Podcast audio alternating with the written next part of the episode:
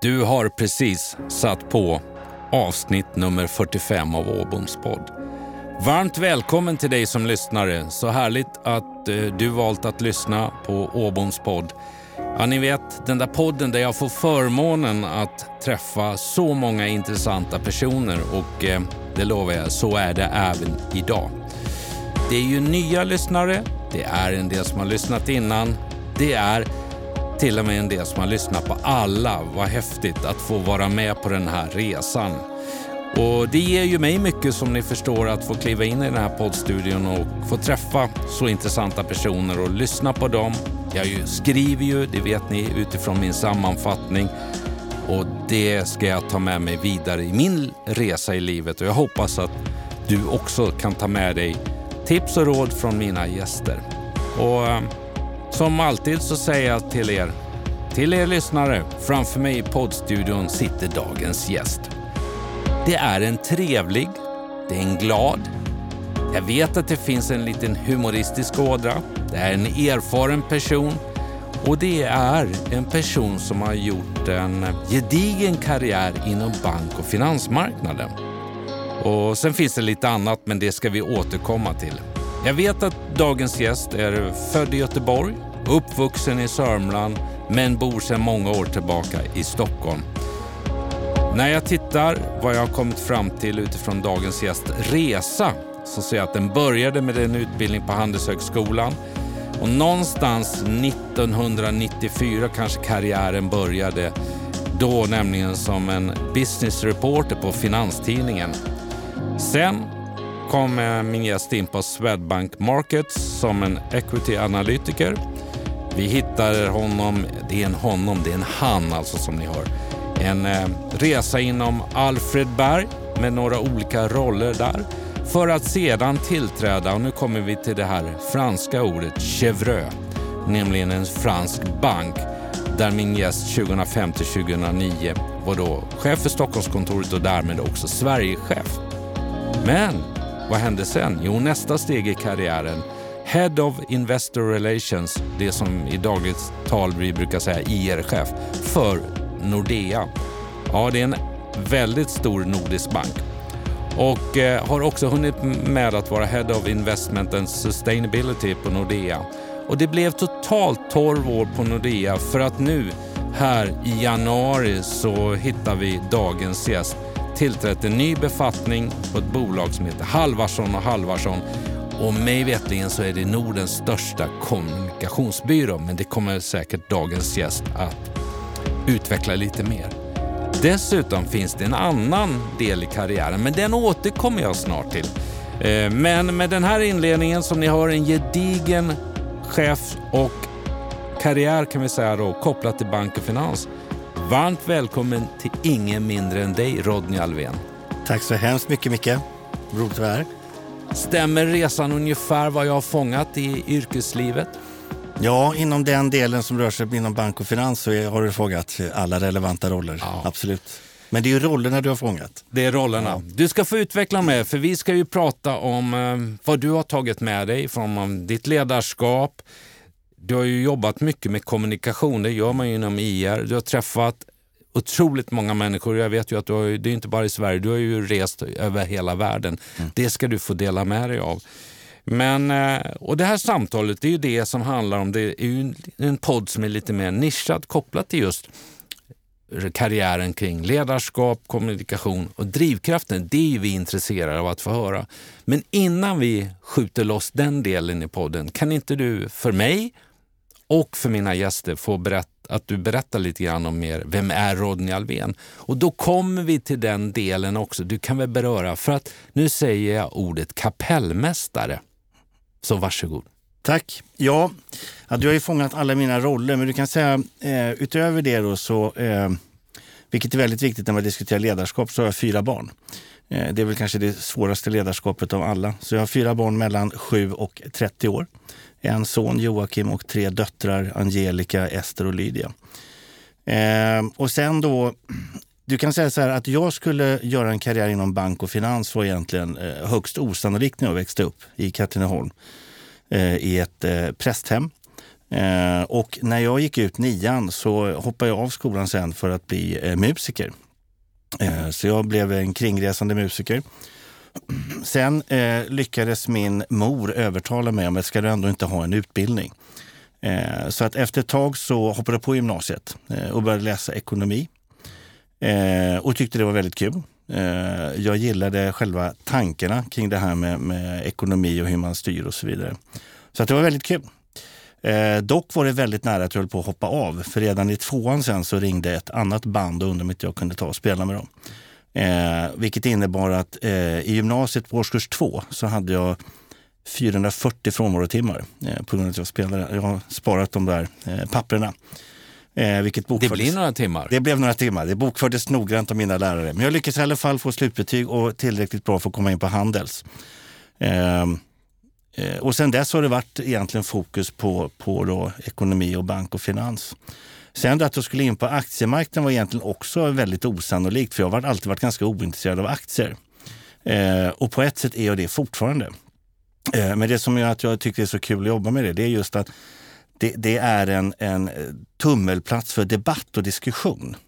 Eh, det vill säga när jag ser tillbaka på min karriär så är det egentligen inte så mycket aktierna som sådan som jag minns, utan det är just alla de här mötena jag har haft med, med folk genom åren där jag har diskuterat allt ifrån svenskt kungahus till varför räntorna ska upp och ner och fastighetspriser upp och ner. Så den här diskussionen som jag har haft i alla år har, har eh, varit väldigt stimulerande. Och sen parallellt med det så har jag fortsatt att och, eh, fuskat med musik och spelat ganska mycket med, med olika artister. Du nämnde kapellmästare. Och du kan säga det är egentligen där jag lärde mig ledarskap. Jag var ju kapellmästare innan jag blev eh, chef och ledare i, inom, inom bank och finans.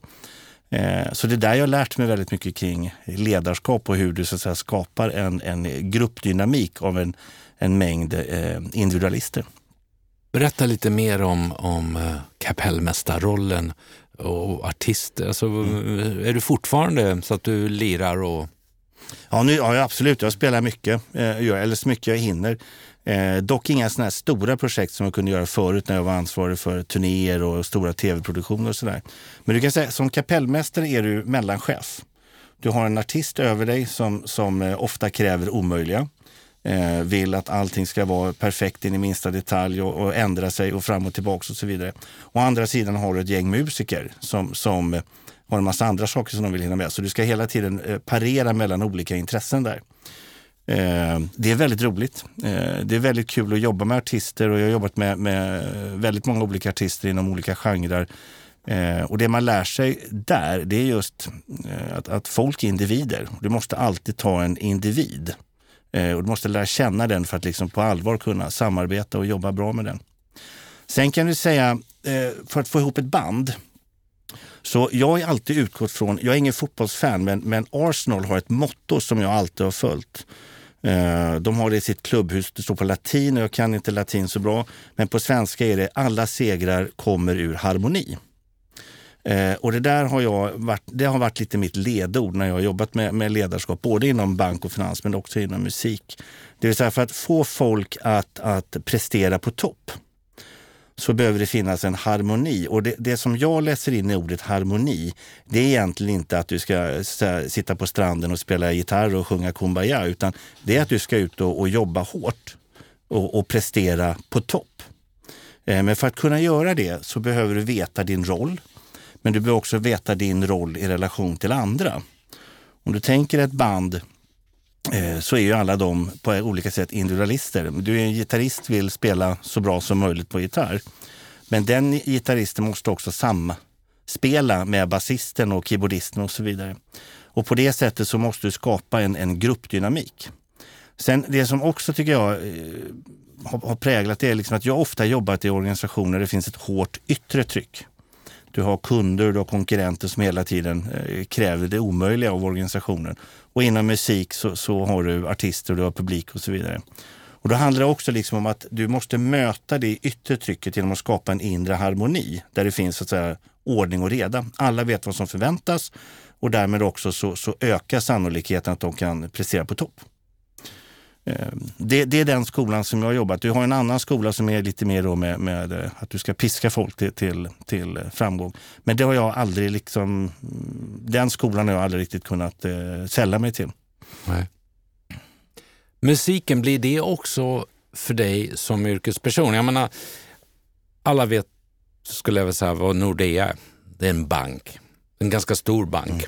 Mm. Eh, omskriven på olika sätt. Eh, allt ifrån uh, uh, ränteläget till mm. flytt till Finland mm. av huvudkontor, you name it. Mm. Men där var du ute och reste världen över mm. tillsammans med koncernchef för att göra investerarmöten och alltihopa där. Blir musiken för dig då också ett sätt att, även om du har med dig tankarna från, från hur du bygger det här ledarskapet, blir det ett sätt att också koppla av och ladda batterierna? Eller hur funkar det? Nej, inte när jag var som mest aktiv så ska jag säga att det var, det var väldigt krävande.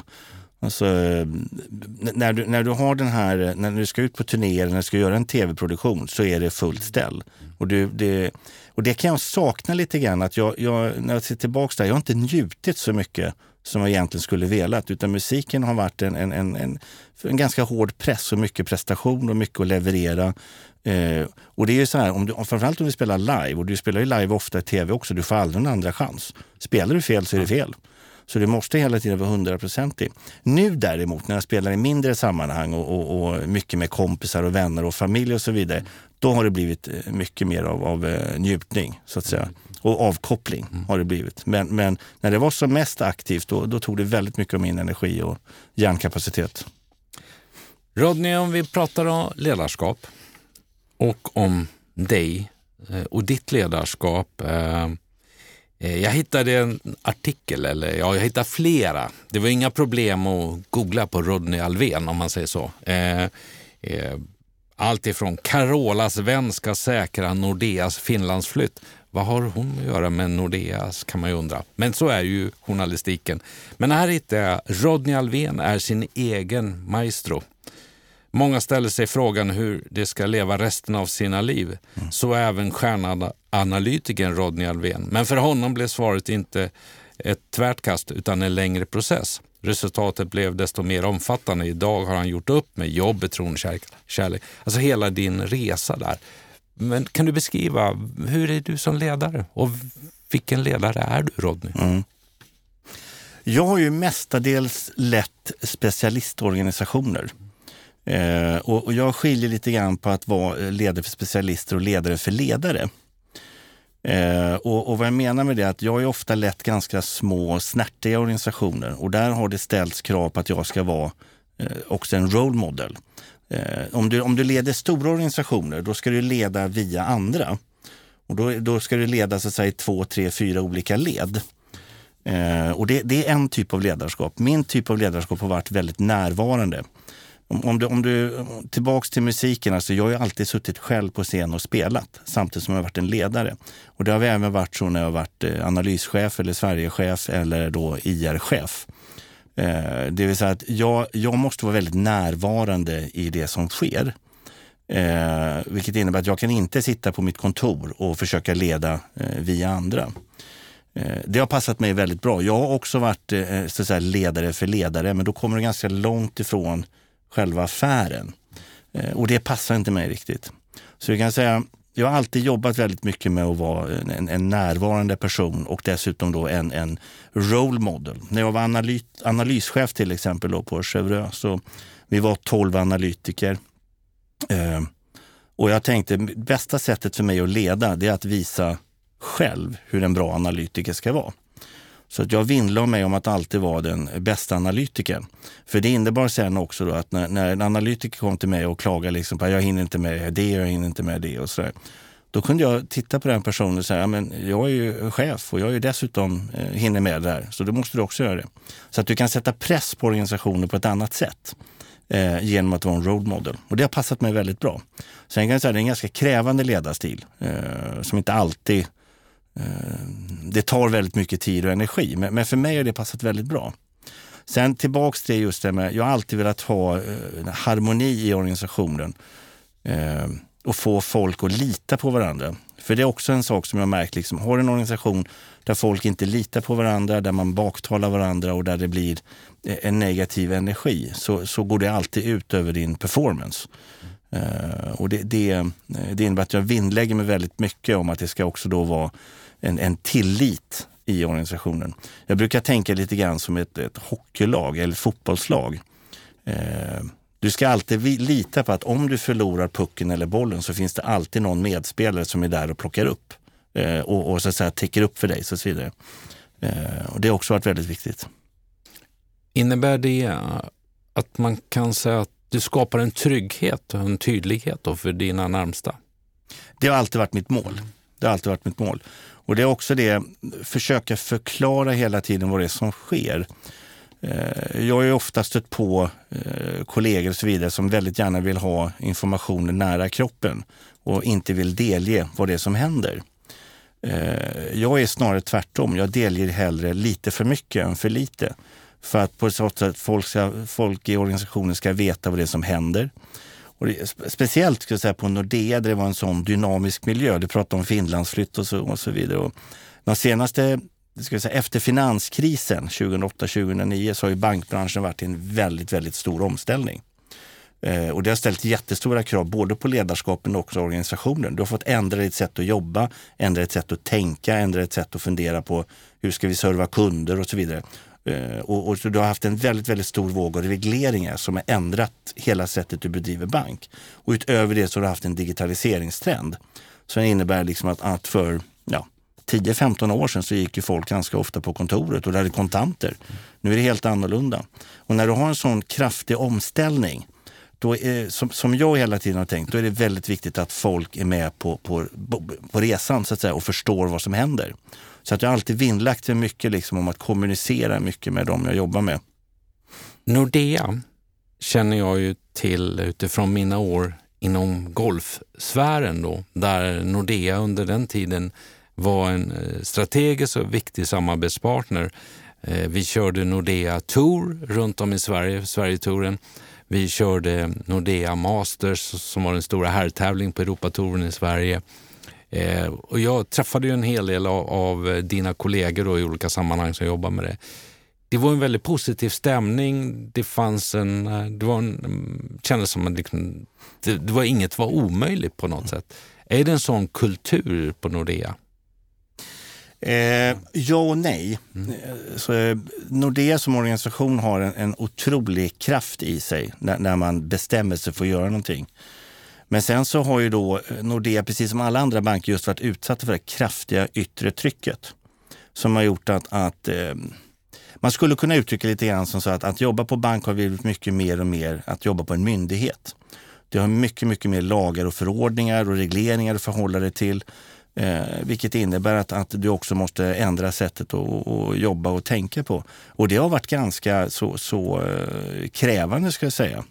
Och det har inte minst också då har jag haft den här väldigt publika debatten kring, kring eh, om bankerna medverkar till penningtvätt och så vidare. Mm. Eh, och det har kostat på väldigt mycket energi också. Ta bara som, vi fick ju då en bot på Nordea 2015.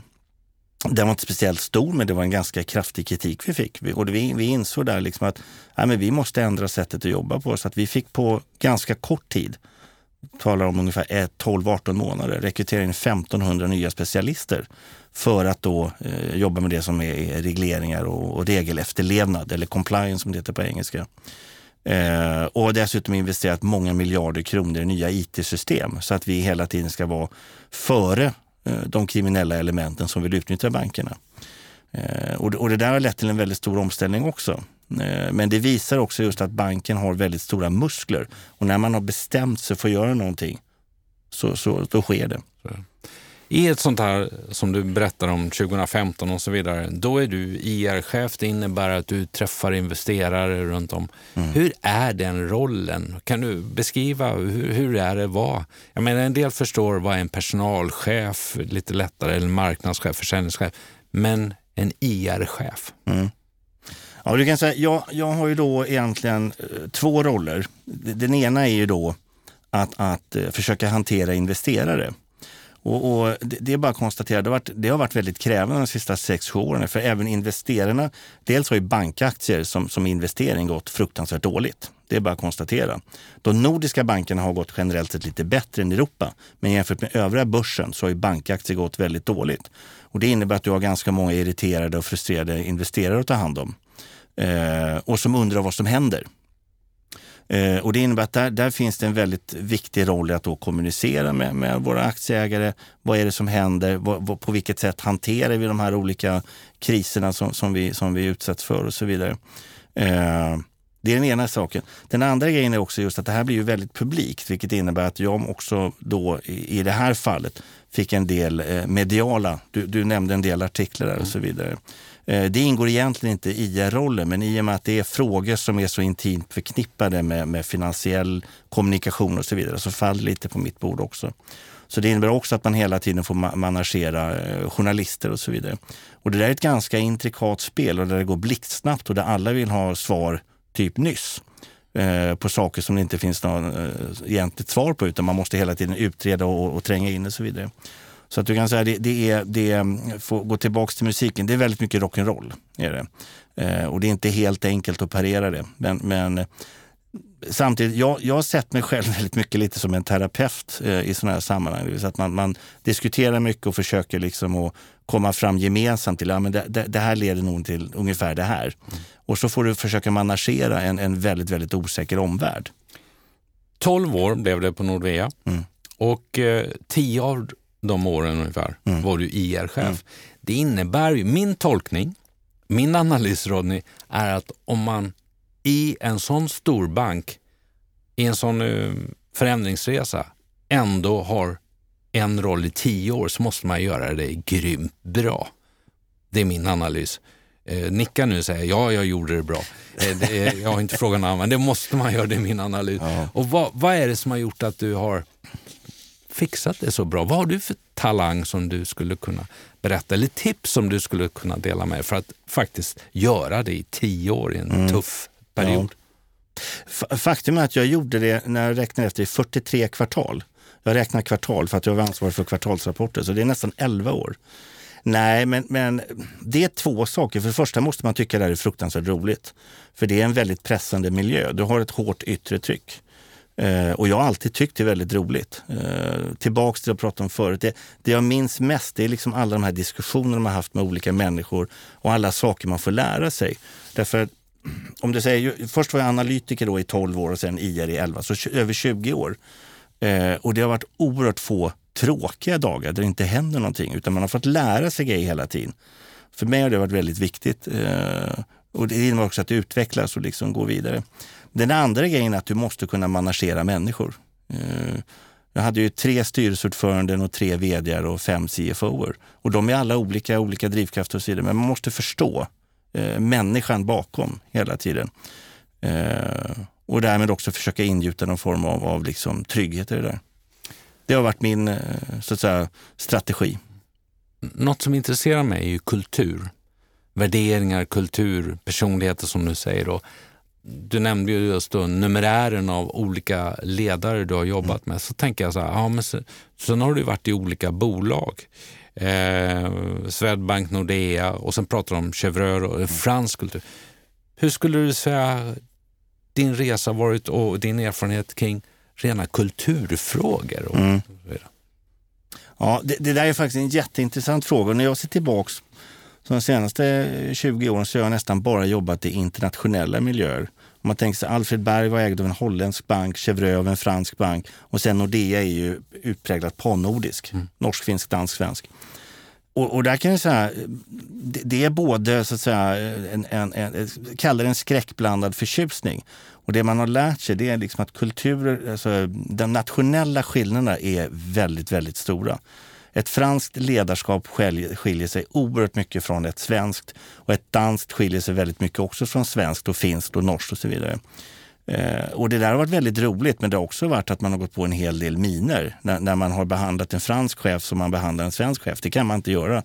Alltså i, i Frankrike det finns en helt annan typ av hierarki, det finns en helt annan typ av eh, piskmentalitet. Eh, det vill säga du piskar folk fram till eh, framgång. Där finns det inte så mycket morötter. Morötterna är att du får behålla jobbet och att du får lön. Eh, sen i övrigt så är det liksom väldigt, väldigt tuff miljö. Eh, England kan vara en väldigt, väldigt trivsam miljö men också väldigt, eh, alltså du får hela tiden räkna fingrarna när du hälsar på din chef om alla fingrarna är kvar. Uh, och, och en, en, engelsman kan liksom med, med, glädje le åt dig och prata någon vänlig mening samtidigt som de hittar, försöker hitta var de ska stoppa kniven i ryggen. så att det är en typ av miljö. Den amerikanska miljön, den har jag, inte, jag har inte haft så mycket amerikanska chefer men jag har jobbat mycket i USA.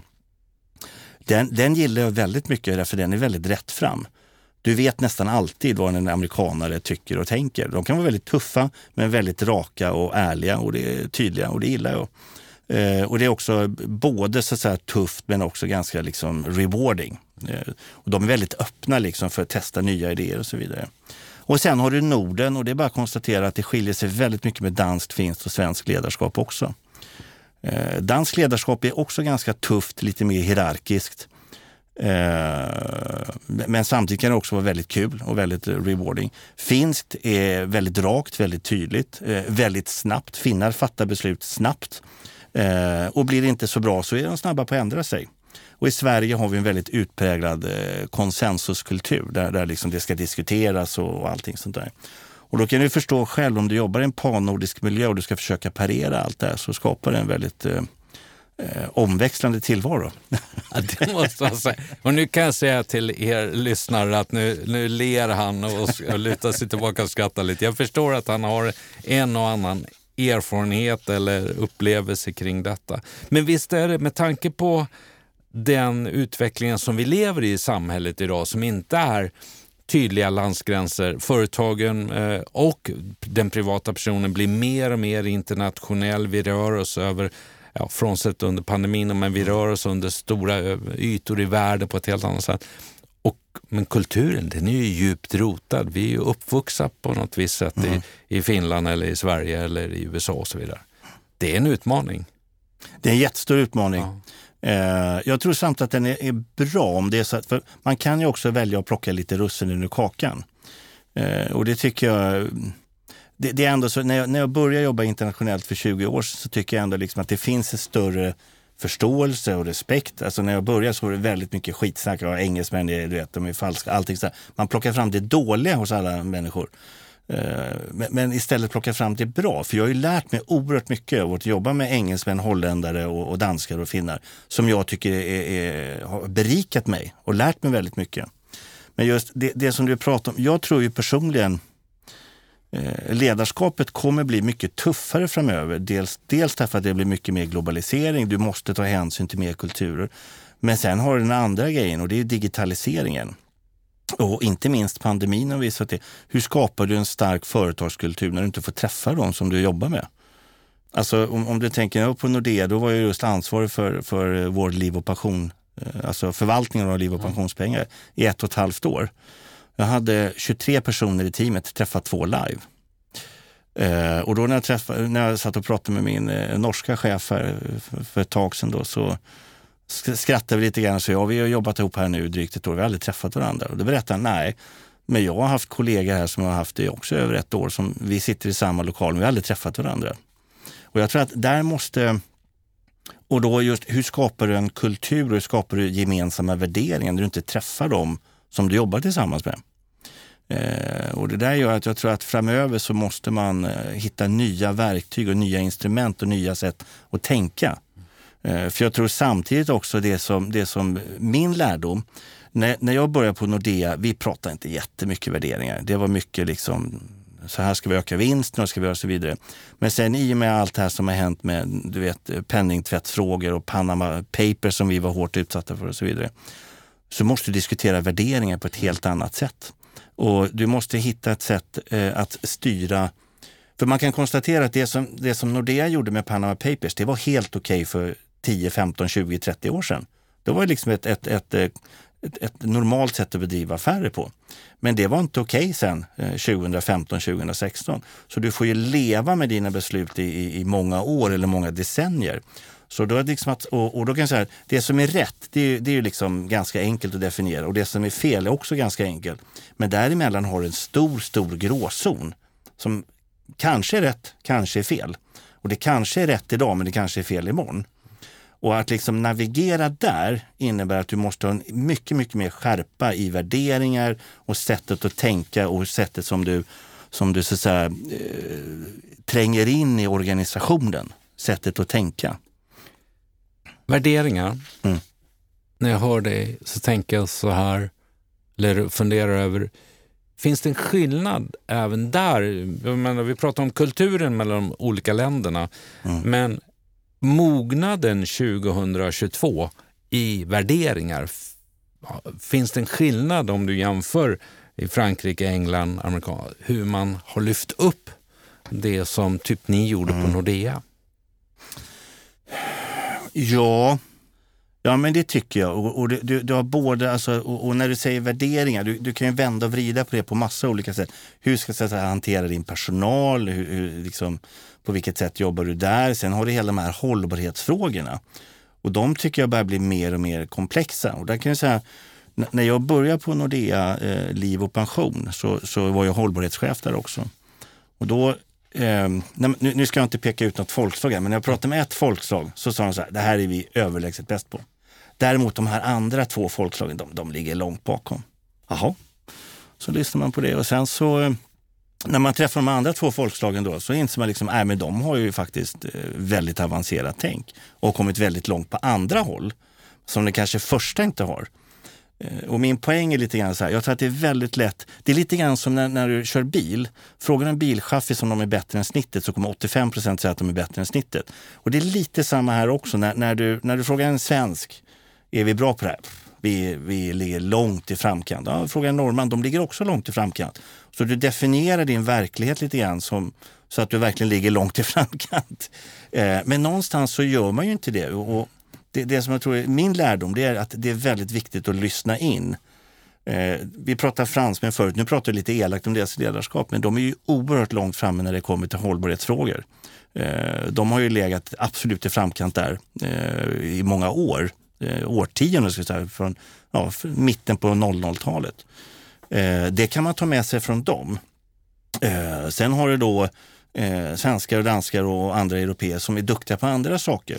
Och det, jag tror, det som jag försökte, det jag tror är viktigt, är att man försöker plocka fram det göttaste ur de här olika värderingarna.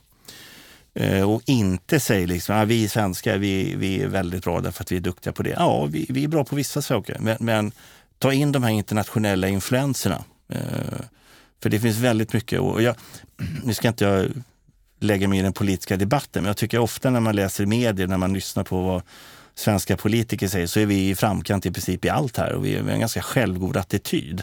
Men när du reser internationellt och när du träffar folk från andra länder så inser du att vi har nog väldigt, väldigt mycket att lära. Mm. Hur många restagare har du haft som IR-chef ute i världen? Ja, det är en känslig fråga. Oh. Men du kan säga så här... Ska jag fråga kanske hon ja. du är gift med? Ja, Då får jag ett svar. Nej, men det, det, varierar ganska mycket. Men en stor, någonstans mellan 130 och 150.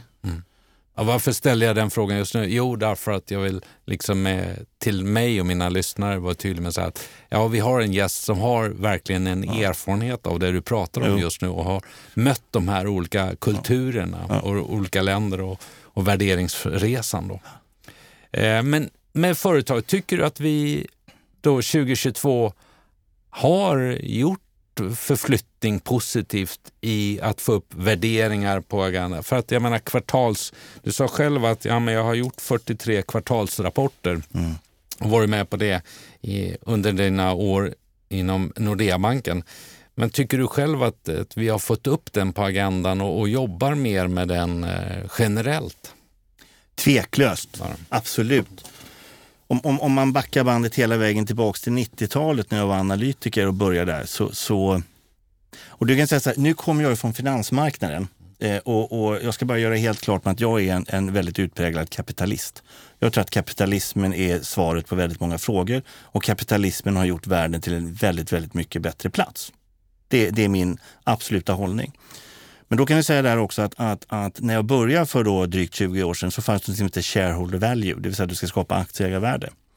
Eh, Och det har också varit en käpphäst. Jag tror att är du börsnoterad så måste det yttersta fokuset vara att skapa aktieägarvärde. Men sen kan du säga när jag började på 90-talet och, och sättet man resonerade på då, det var att ah, du ska bara maximera vinsten. Och du ska maximera liksom utdelning till aktieägare och så vidare. Det var shareholder value. Sen det som har hänt de senaste, jag vet inte, 8-10 åren kanske, har varit mer och mer det, någon slags stakeholder management eller eh, alltså du måste, för att skapa aktieägarvärde så måste man börja i rätt ände och du börjar inte liksom att maximera vinsten utan det är resultatet av att du faktiskt hanterar andra intressegrupper väldigt bra. vad jag menar med det är liksom att, att om du inte säkerställer liksom att dina kunder är nöjda, att du faktiskt har ett, ett attraktivt erbjudande, ja, men då blir det inte så mycket till aktieägarna. För om inte kunderna tycker att du gör någonting bra, men då blir det inte så mycket vinst. Och du måste också, kanske särskilt mycket som bank, men många andra sektorer också, måste man också inse liksom, ja, vi är en integrerad del av samhället. Eh, om inte vi också säkerställer liksom att vi faktiskt medverkar till ett bättre samhälle, som typ banker som motverkar eh, penningtvätt, eh, som är en väldigt central del för att bekämpa organiserad brottslighet. Om du inte inser att du måste vara ganska bra på det, ja, men då blir det inte heller mycket till aktieägarna. Så aktieägarna är de som får nytta av att du faktiskt säkerställer att andra intressegrupper är nöjda, såsom samhället, kunder och personal. Då blir det pengar över till aktieägarna. Så att du har vänt mycket på resonemanget. Eh, från att bara liksom prata om att maximera vinst till hur maximerar nyttan för dina andra intressegrupper. Då blir det bra även för aktieägarna. Du lyssnar på Åboms podd. Åboms podd är producerad i nära samarbete med tidningen Butikstrender, Sveriges största branschmagasin för dig som jobbar i dagligvaruhandeln och servicehandeln. Styrelseinstitutet, för dig som önskar hjälp med utbildning och rådgivning inom styrelseutveckling och bolagsstyrning. Och Red Means Go, en professionell studio för poddar och ljudböcker med personligt engagemang. Kommunikation är ju en del av ett ledarskap. Det är en del av att eh, jobba med som investment relation mm. Nu är du liksom inne också på Nordens största kommunikationsbyrå. Mm. Hur viktigt är kommunikation för dig som ledare? Och vad skulle du skicka med för erfarenheter till mig och lyssnarna vad det gäller kommunikation? Ja, det är en bred fråga. Det är en jättebred fråga, tänkte jag, jag säga det. Förlåt. Nej, men, det, nej, men det, alltså, jag ska försöka bända frågan för den är komplex. Men du kan säga om, om du börjar liksom när du är IR-ansvarig så måste du tänka väldigt mycket på de legala aspekterna på kommunikation. Mm. Och varför börjar jag där? Jo, därför att de legala aspekterna försöker fånga in att kommunikation måste skapa förtroende. Eh, och vad, alltså ett konkret exempel är så här att om du, om du har information som du vet är kurspåverkande. Eh, du ska göra en affär eller det, du, vet, du, du förlorar pengar på någon stor kund eller whatever, vad det nu är så måste du kommunicera det så fort som möjligt så att alla har exakt samma information hela tiden. Och då har du ett legalt begrepp kommunikation, det vill säga att jag kan inte bara ringa runt till några största ägare och säga det, nu, nu, nu ligger vi lite pyrt till här i, i Norge på grund av någonting. Eller vi ska köpa ett bolag, utan alla måste få kommunikationen exakt samtidigt. Så att vi har byggt ett legalt system som ska säkerställa att kommunikation skapar förtroende och jämställdhet. För det är, för, förut har det varit så, och det är också så när jag började på 90-talet, och då, då var ju kommunikation en, en liksom du höll den väldigt nära för dig själv och hade du kurskänslig information, då var det inga problem att handla på den. Gör du det nu så åker du in i finkan, eh, och, vilket är rätt. Därför det är oerhört viktigt att alla ska ha samma information exakt samtidigt. Du måste kommunicera på ett formellt korrekt sätt via olika eh, alltså stock exchange releases och allt vad det heter. Sen har den andra grejen då som också är egentligen just det här med, med förtroende. I den här världen vi lever i som just blir mer och mer internationaliserad, blir mer och mer digital, så blir också kommunikationen oerhört viktig i sättet att, att skapa ett, ett sammanhållande kitt. Men också skapa gemensamma sätt att tänka, gemensamma värderingar. Och där, där har du en, en, en avvägning tycker jag som är, den är inte helt självklar, men, men du kan säga en, en hållning då, liksom, jag ska prata hela tiden, bara för att säkerställa att alla vet exakt vad som gäller. Men då vet du vad, om alla pratar hela tiden så slutar folk att lyssna. Mm. Jag tror att vi har haft lite tendenser till att överkommunicera. Det vill säga man, man, ledare och så vidare, man har varit så noga med att, att försöka verkligen få ut det som är viktigt. Att till sist orkar folk inte lyssna. Alltså, eh, om, om, du kollar på många företags, storföretags intranät så finns det så mycket information där så folk, det, det, man, man hinner inte ta till sig allting. Så det finns en tendens till att du överkommunicerar så därför måste du också vara väldigt stram i din kommunikation och säga någonting när det verkligen behövs eh, och inte överkommunicera. Det är en väldigt vanlig sjuka tycker jag just nu. Liksom, att bara för att säkerställa att folk verkligen vet så ja, snackar du för mycket. Kommunikation för att skapa engagemang i teamet. Mm. Hur svårt eller enkelt är det? Det är också en jättebra fråga. Om, om du tittar min bakgrund just, jag, jag har jobbat då i, i så säga, generellt sett specialistorganisationer. Mm. Och specialister är ju en typ av människor eh, som, som, präglas väldigt mycket. Liksom, ja, jag måste förstå alla detaljer, jag måste verkligen liksom kunna tränga in i allting för att liksom känna att nu begriper jag det. Sen har du då folk som är lite mer generalister som du måste hantera annorlunda. Så jag tror inte det finns ett sätt att tänka det. Men, men, men med min bakgrund så har jag hela tiden just vindlagt mig om att alla måste förstå varför vi gör saker och ting. För det måste en specialist förstå.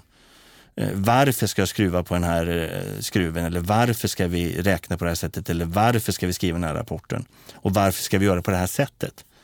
Där har jag varit väldigt mån om, om liksom hela. Och sen, det finns en annan typ av ordlös kommunikation också, det vill säga att du är hela tiden närvarande.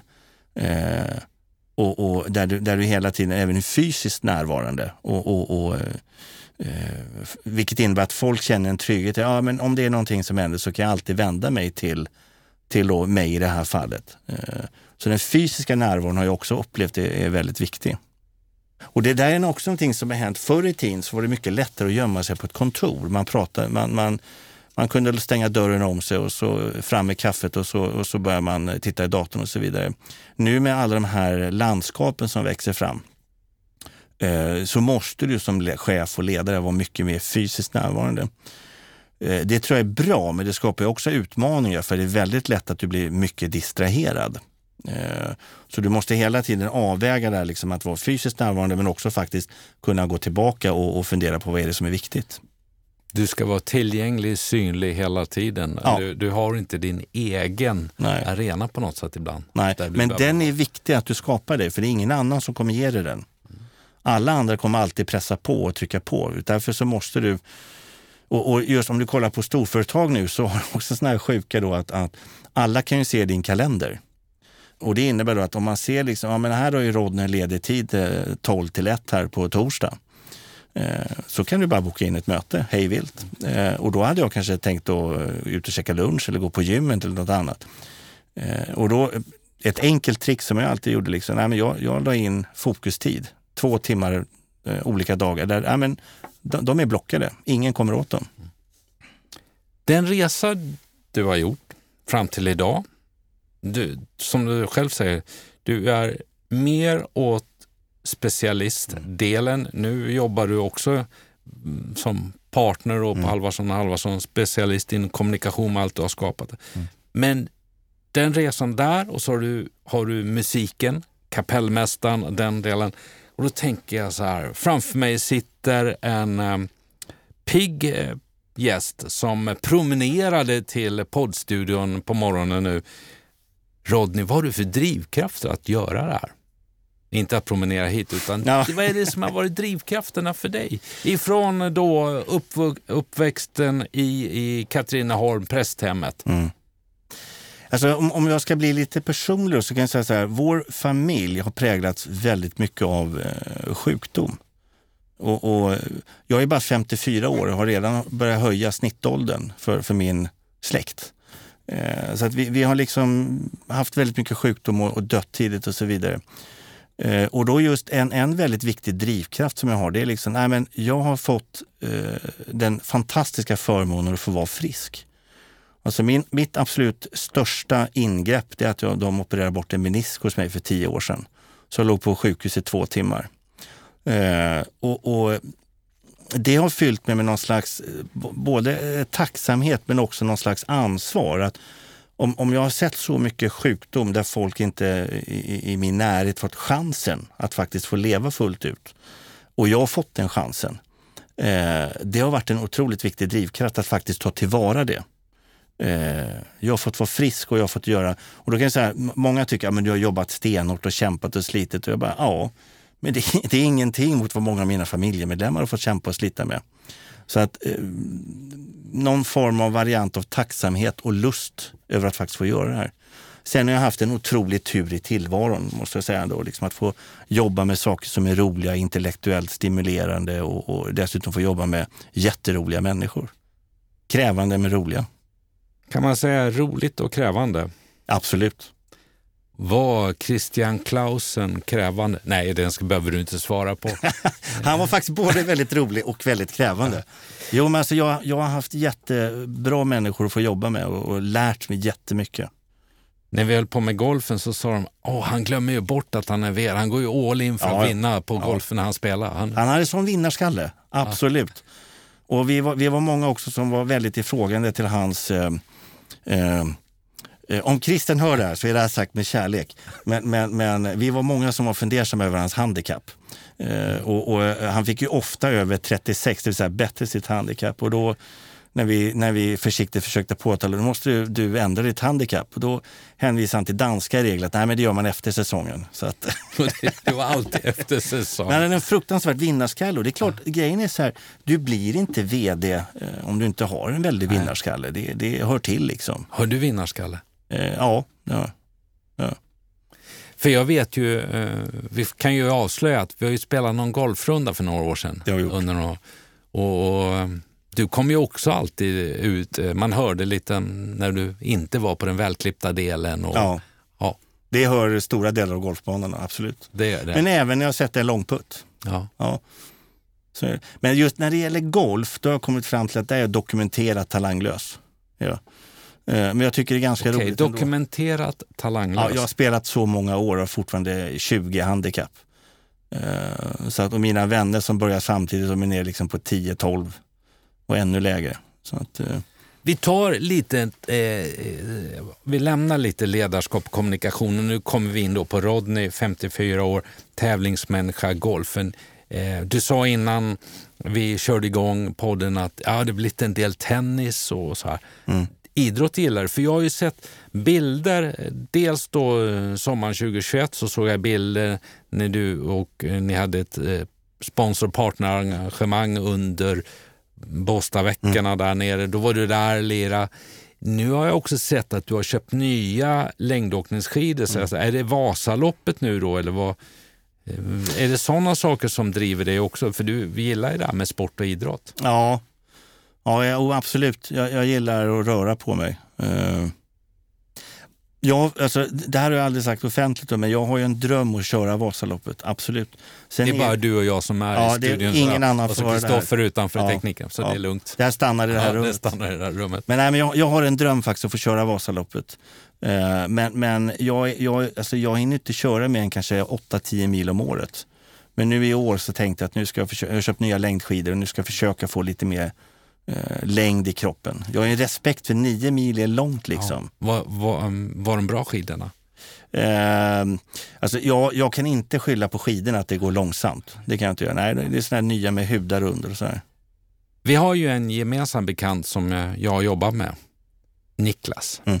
Han måste ju vara född med skidor.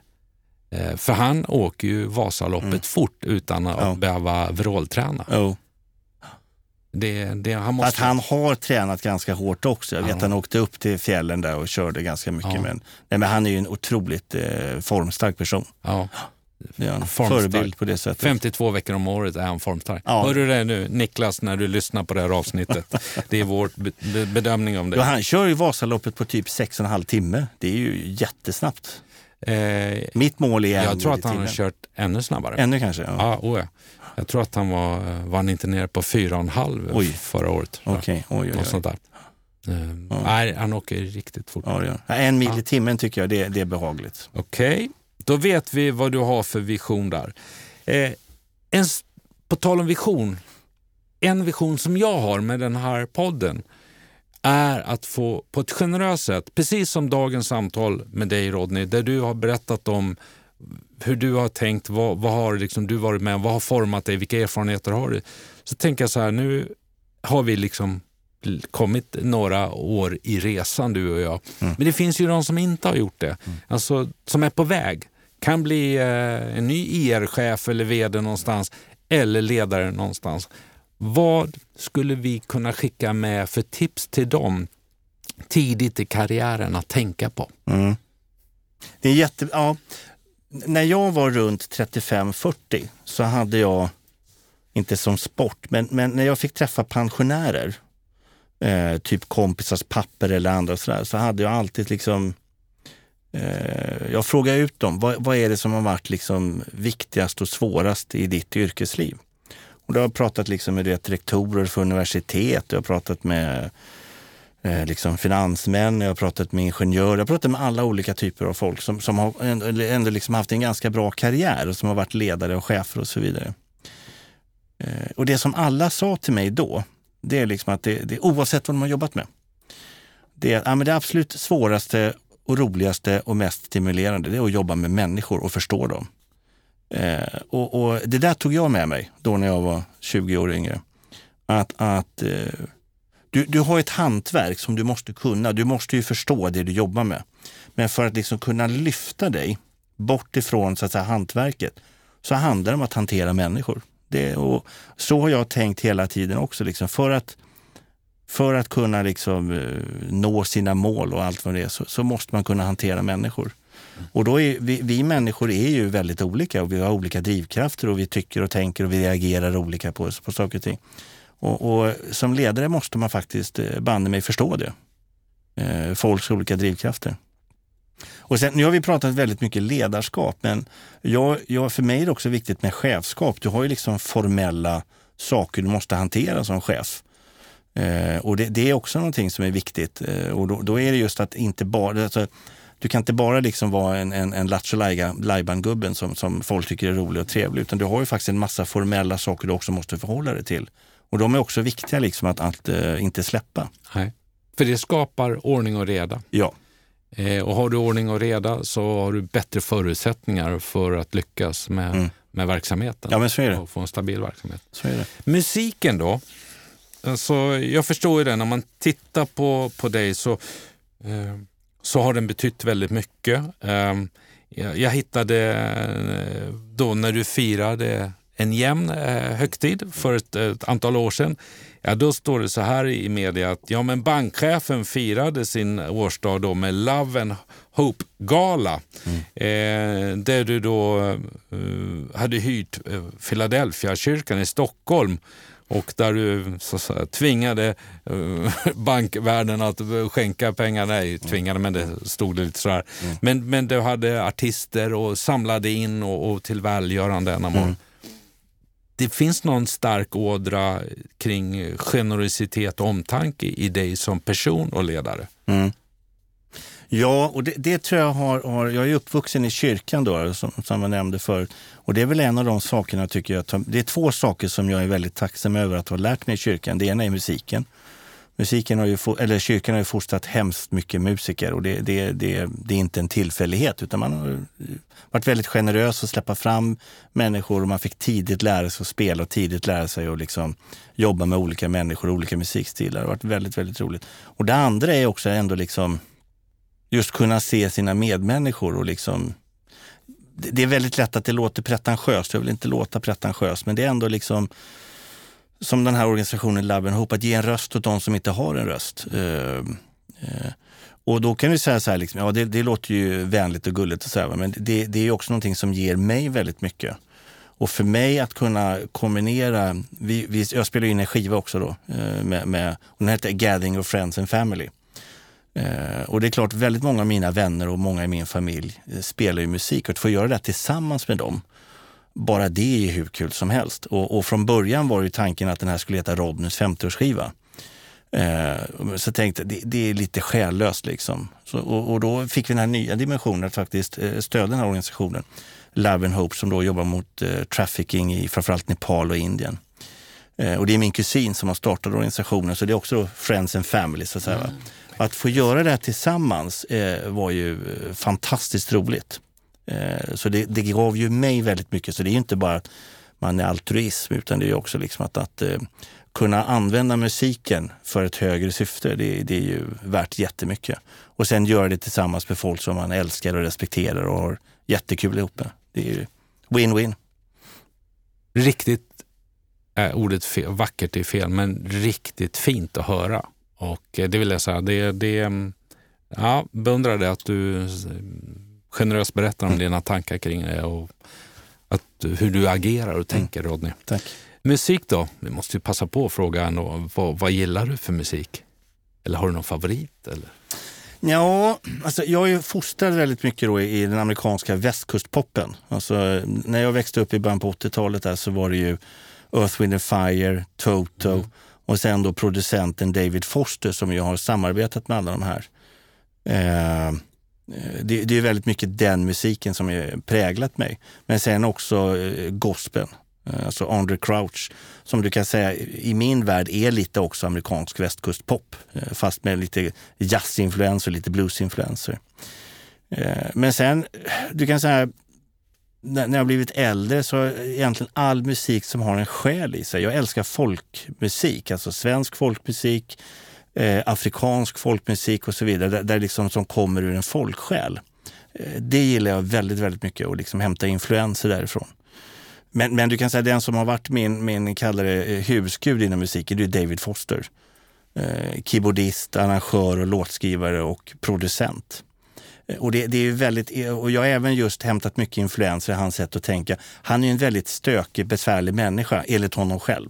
Eh, men, men, han säger också det liksom att, att, just när han samarbetar med sångare och musiker så får han dem att prestera sitt allra bästa. Eh, han har gjort det lite sin grej. Han kan få alltid en sångare eller sångerska att bli 10% bättre än vad man var innan de började samarbeta. Och det där sättet att tänka gillar jag väldigt mycket. Ja. Men sen är han ju en, en sjukt begåvad musiker och, och eh, låtskrivare. De artisterna, för du har ju spelat och, och jobbat ihop med, med några av Sveriges största artister. Liksom genom det. Har du fått dem att bli 10% bättre genom det här tänket? Nej, det behöver du inte svara på. Men har du, har du, har du verkligen nyttjat det här att, att få det både utifrån dig som person och ditt ledarskap, att vi gör det här tillsammans, vi utvecklar det, mm. det ska, ska ge någonting mer? Jag tror det, men, men det ska ju andra svara på. Jag har inte riktigt samma självförtroende som David Foster, så att säg 7,3 procent. okay. Nej, men jag, jag tror, alltså, igen, liksom, det, det, handlar väldigt mycket om att skapa en trygghet på scen och det, där är jag bra. Mm. Folk vet vad som förväntas av dem och, och det, det, skapas en, en, en skön, bra energi mm. på scen. Och där, där är jag förmodligen ganska duktig. Får, får, man fråga vilka, om vi säger det sista halvåret och det kommande halvåret, vilka artister har du jobbat med? Ja, eh, nej, men om, om, om, du, om du tänker, ja, precis, om du tänker det, dels var jag eh, kapellmästare åt Carola i fyra år. Sen har vi samarbetat i mindre projekt också, men i fyra år så jobbar vi väldigt intensivt ihop. Eh, sen eh, Sarah Dawn Finer har jobbat väldigt mycket med Charlotte Perrelli, eh, Gladys Del Pilar. Eh, du märker att det är mycket kvinnor, men sen också en del män. Eh, tyvärr då, eh, har ju Svante Turesson gått bort. Mm. Eh, han är en otroligt underbar människa eh, som, som, och, en, och en fantastisk musikalitet. Jätteroligt att jobba med. Peter Jöback. Eh, en kyrkosångare som jag jobbat väldigt mycket med som, som jag tycker är både väldigt rolig att jobba med och väldigt begåvad. Micke Järlestrand. Frank Ådahl har jag jobbat mycket med. Så att det har blivit mycket genom åren har det blivit. Du har säkert glömt en massa namn. Alla jag har glömt. Eh, jag älskar er också. Så att Absolut. Men det är i alla fall ett axplock av de jobbat Sen har jag varit med i en kör i en massa år som heter One Voice och vi finns fortfarande. Och där är också många av mina vänner, så det är liksom väldigt roligt att jobba ihop. Vilket eh, register! Ja, jag har ju hört dig spela vid några tillfällen och jag kan ju säga till er lyssnare att eh, Ser ni någonstans eh, där Rodney ska vara med och agera då på pianot eller kapellmästare så är det väl värt att, att köpa biljett eller försöka komma in på dem eh, och lyssna. Det är mycket, eh, ja, det är härlig musik och bra kvalitet. Så tack, det ska vi skicka med. Ja. När du kommer hem efter en vecka, Mm. landar in hemma med familjen. Hur eh, laddar du om och vad gör att du kopplar av på, vi säger fredagskvällen? Då? Ja. Alltså, fredagskvällen det är ju verkligen att verkligen bara landa. Eh, Det är det ju. Eh, Men sen just, jag, jag kopplar ju väldigt mycket av genom att röra på mig. Eh, Jag, jag blir ju väldigt trött om jag liksom ligger still. Så att det handlar väldigt mycket om att liksom, ja, hela tiden vara i rörelse kan du säga och göra grejer. Eh, men sen har jag också blivit mer och mer förtjust i att läsa böcker. Eh, men det är ju mer kvällsaktiviteter då. Jag har märkt att jag somnar bättre om jag läser en bok. Tittar jag på tv har jag svårare att somna, men om jag har, kört en tennismatch eller någonting annat, eh, rörelsemönster och sen läsa en bok, så, så sover jag väldigt mycket bättre. Ja. Så det, det, och det stora intresset, är det idrott? ja, om, du- om du kopplar bort musiken då, som är, jag vet inte hur man ska definiera det, men ja, det är det. Och röra, absolut. Men, men vad det gäller idrottslag och så vidare, då har du valt fel med glimten i ögat eller eh, pågående hockeysäsong just nu tänker jag på. Eller? Alltså, du har det- också haft ett engagemang i, Ja. i den idrottsföreningen. Ja, ja alltså det finns ju bara ett hockeylag och det är Djurgården. Eh, sen, sen har vi haft en, en, jag kan inte påminna mig att vi har haft en tuffare säsong än vi har nu och det, det är någonting som låser sig. Eh, vi har spelare som ändå är hyggligt bra. Eh, som ska kunna prestera bättre, men av olika anledningar, och jag, jag kan inte svara på vad det är, men av olika anledningar så presterar vi inte så bra som vi ska göra. Så nu ligger vi sist i serien och det är smärtsamt. Eh, Men jag var där och kollade i tisdags, då vann vi i alla fall. Så att några matcher vinner vi. Men, men eh, nej, det är väldigt, väldigt tuff eh, säsong. Är det. Eh, nej, men jag satt i styrelsen också för Djurgården Hockey. Eh, det är ju hockey som jag tycker är, jag spelar inte hockey själv. Eh, men det är väldigt kul att titta på. Eh, det är en sport som har, det är både teknik och det är tempo och det är mycket fysiskt. Eh, eh, man tacklas och håller på, det är roligt. Kommer du ihåg för väldigt många år sedan när du satt i styrelsen att du bjöd med mig, vi gick på en match, Mm. Djurgården-Leksand. Mm. Då var det inte så kul att vara Leksandsfans. Det var lite minoritet där va? Jag tror att det var Djurgården vann med 6-2 eller 8-2 den matchen. Jag var rätt låg. Ja, jag var tyst. Men ni har plusstatistik på oss i år. Ja, ja Så så att, att, vi eh, får se. Vi, ni har, en- vi har en hemmamatch till mot er.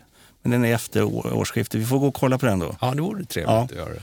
För nu är ändå Leksand i hygglig form. Absolut, Ja. det har varit mycket positivt. En av mina eh, poddgäster här är Jonas Bergqvist. Ja, ja, ja. Det blir ju lite sms nu kan jag säga på det sättet. Och, och, vi, ja, det känns betydligt roligare än vad det gjort sig många, många, många år innan helt klart. Så att, eh, så. Men eh, då för, förstår jag att idrott och, och både att titta på men även att utöva är Mm. En del av ditt sätt att, att återhämta Absolut. dig och ladda batterierna. Jo. Jag har ju läst mycket av Anders Hansen också. Han, han har inspirerat oerhört mycket just till, till Alltså det han skriver är ju egentligen väldigt, väldigt basic. Men, men han skriver på ett sätt som, som tilltalar, liksom, om du rör på det så mår du bättre. Det är egentligen det han säger. Men så visar han han leder det bevis eh, på, på så bra sätt, vilket gör att man blir inspirerad. Så att eh, han har ju betytt jättemycket. Ja, det är. Det är ett tips att läsa. Ja. Nu läser jag hans senaste bok, Depphjärnan. Det är ju ingen så här, liksom, flashig titel, Depphjärnan. Nej. Eh, Men, men den är också ett sätt att förstå hur vi människor funkar eh, och hur hjärnan funkar. Och hur den liksom skapar stress, hur den kan skapa depressioner och ångest och så vidare. Och det, det är också viktigt och det är klart att som ledare så går du igenom sådana faser också. Det är så att, jag menar, har har man passerat 50 så vet man att alla människor har gått igenom väldigt tuffa perioder. Eh, Jag har haft mina eh, svarta perioder och du har säkert haft dina och så vidare. Absolut. Och, och du måste fortfarande liksom prestera på jobbet eh, under den perioden. Och det är också, vi har inte pratat så mycket om det nu, va? men det är klart att det, det, är ju, det är ju en av de tuffare grejerna att ta sig igenom. Mm. När, allting är, när himlen är blå och allting går bra, så det då, då är det bara att köra. Ja. Men det är klart, när du, när du får riktiga käftsmällar här i livet, då, då, då är det tufft. Och de kan du få både privat Ja. och du kan ha dem yrkesmässigt också. Ja. Så att säga. Absolut. Och de påverkar dig. Ja. Då är det inte lika enkelt. Nej, och jag tror som ledare, jag, alltså, jag tror att det inte finns någon ledare som inte har åkt på kraftiga bakslag även professionellt. Privat naturligtvis, men även professionellt. Så du blir, det, så, mm, höll jag säga, det, det, det är oerhört svårt att komma fram till pension utan att du... Men det ligger liksom lite i ledarskapets natur. Man måste vara beredd att faktiskt kunna acceptera att livet kommer bli så. Mm. Uh. Ronny, om jag ringer till din fru Jenny som eh, jag vet delar eh, musikpassionen med dig. Mm. Hon är nämligen en otroligt duktig sångerska. Mm. Om jag ringer henne och så säger att nu har jag suttit och snackat i en poddstudio med Rodney med fokus på, på karriären och ledarskapet. Men jag skulle ändå vilja, kan inte du eh, beskriva Rodney för mig på, med tre ord? Hur skulle hon beskriva dig som person? Oj. Jag vill nämligen ge mina lyssnare en, en väldigt härlig bild av Ronny Alvén. Oj. Helheten från ja, ja, ja. dagens eh, samtal i poddstudion som nu bara går mot sitt slut. Ja, det där var ju dagens svåraste fråga. Hur hon skulle beskriva mig. Hon skulle nog ändå säga... Nej, men det här var ju jättejobbigt. Men jag, jag tror hon skulle säga ungefär så här. Han är, han är glad, han är oerhört aktiv, eh, men han är också en grubblare. Jag tror hon skulle säga det. Hon ser ju mina grubblerier som ingen annan. Bra! Samtalet med Rodney Alvén. Där började vi med ledarskap som fyrbarnspappa. Det är ett krävande ledarskap mm. att vara över sina barn. Eh, och du har barn i, i åldrar från 30 till 7. 30 till 7 ja. år. Så det är precis som olika nationaliteter och olika kulturer mm. så har du olika åldrar där. Född i Göteborg men växte upp på ett prästhem i Katrineholm. Musiken kom tidigt in och eh, ja, någonstans så lyckades hans mamma ändå få honom att säga att utbildning är bra. Lyckades trots 440 frånvarotimmar i gymnasiet få examen och ta sig in på Handels.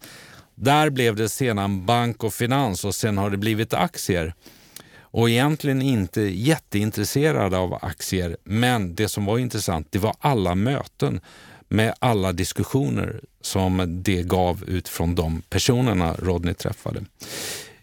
Kom snabbt in på podden att prata om sin roll som kapellmästare med, där ledarskapet har funnits, att bygga det här med bandet, bygga förtroendet där individen är en artist och att få det att fungera ihop. Och du tog oss till fotbollen i England, nämligen till Arsenal, där det står att alla segrar kommer ur harmoni. Och där vi fick förstå hur det har betytt för dig, tanken med, eh, som ledare idag. Du har haft roller som är mest en specialistorganisation och där har det varit viktigt att skapa en road model för dig och för ditt team. Då. Och eh, Ledare för ledare, ja, det är den här specialistledaren vi kan se i Rodney Alvéns karriär och hur du har jobbat där. Och hur det har varit viktigt då att vara ett föredöme och också kunna vara med och producera, för det har blivit tydligt då för agendan för de övriga.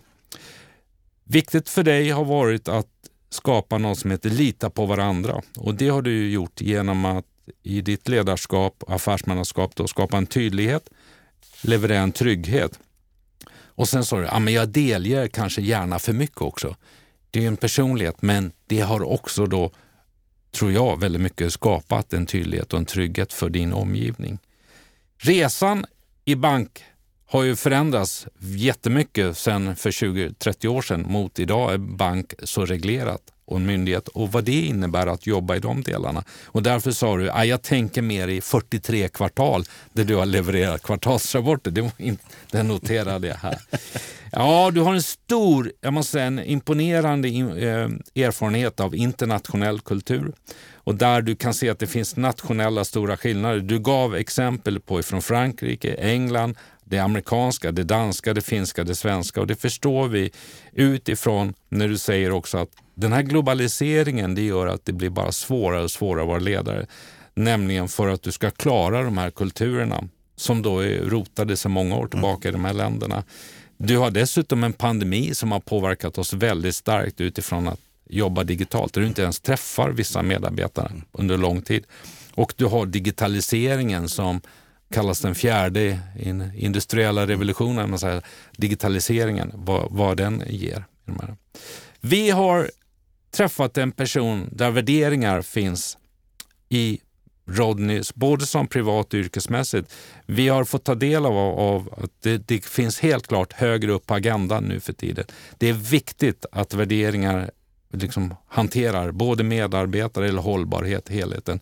Men vi har också träffat kapitalisten där kapitalism står högt och det är att skapa aktieägarvärde är helt naturligt. Kommunikation, ja naturligtvis om man är, har varit IR-chef i så många år, men det handlar om, och det här är ett tydligt tips till dig och mig som lyssnare, det handlar i grund och botten om att skapa förtroende. Att ha en förståelse för att du ska inte överkommunicera. Och när du kommunicerar så måste du ha med varför så att vi som mottagare kan förstå det här. Sen noterade jag att den där har jag inte hört innan, tänkt på det sättet. Nämligen en ordlös kommunikation. Och vad är det? Jo, det är att du och jag som ledare är närvarande. Den är så viktig, närvarande tillgänglig. Vi har eh, fått tips om att ledaren måste skapa sin egen arena, sin egen tid. Man ska sitta i kontorslandskap, kalendrarna öppna, men du måste också ha tid för din egen reflektion, sättet att analysera eller återhämta dig. Och glöm inte att du som ledare också ska vara chef när vi tittar på chef utifrån allt formalia, all compliance, mm. det som skapar ordning och reda.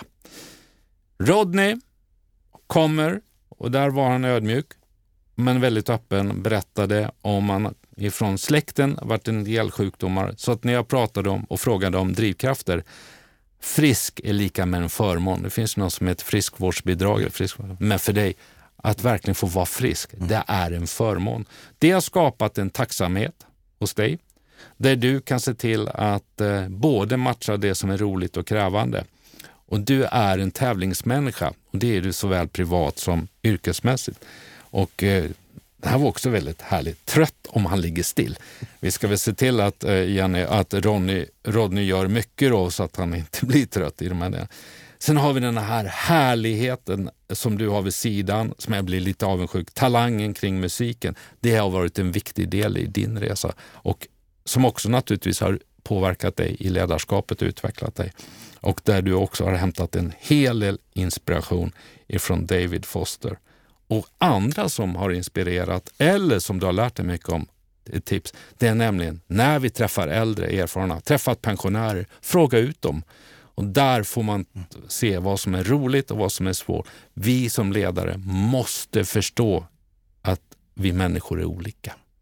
Det har jag fångat vid dagens samtal med Rodney Alvén som gäst i Åboms podd. Hur lät det och hur känns det? Det var väldigt, väldigt, väldigt bra sammanfattat. Stort tack för att jag fick komma. Det var ett väldigt kul samtal. Jätteroligt. Ja, det är jag som ska tacka och eh, tackar också eh, på mina gästers vägnar som får förmånen att lyssna på dig Rodney så generöst från din resa som du har gjort fram till idag och framåt är vi ju naturligtvis väldigt nyfikna vad det blir och hur du eh, vad landar i ditt engagemang just nu då i företaget Halvarsson och Halvarsson? Mm. Men stort tack och jag önskar dig och din familj allt gott och så säger vi väl på återseende. Det hoppas jag verkligen. Tack. Tack, tack.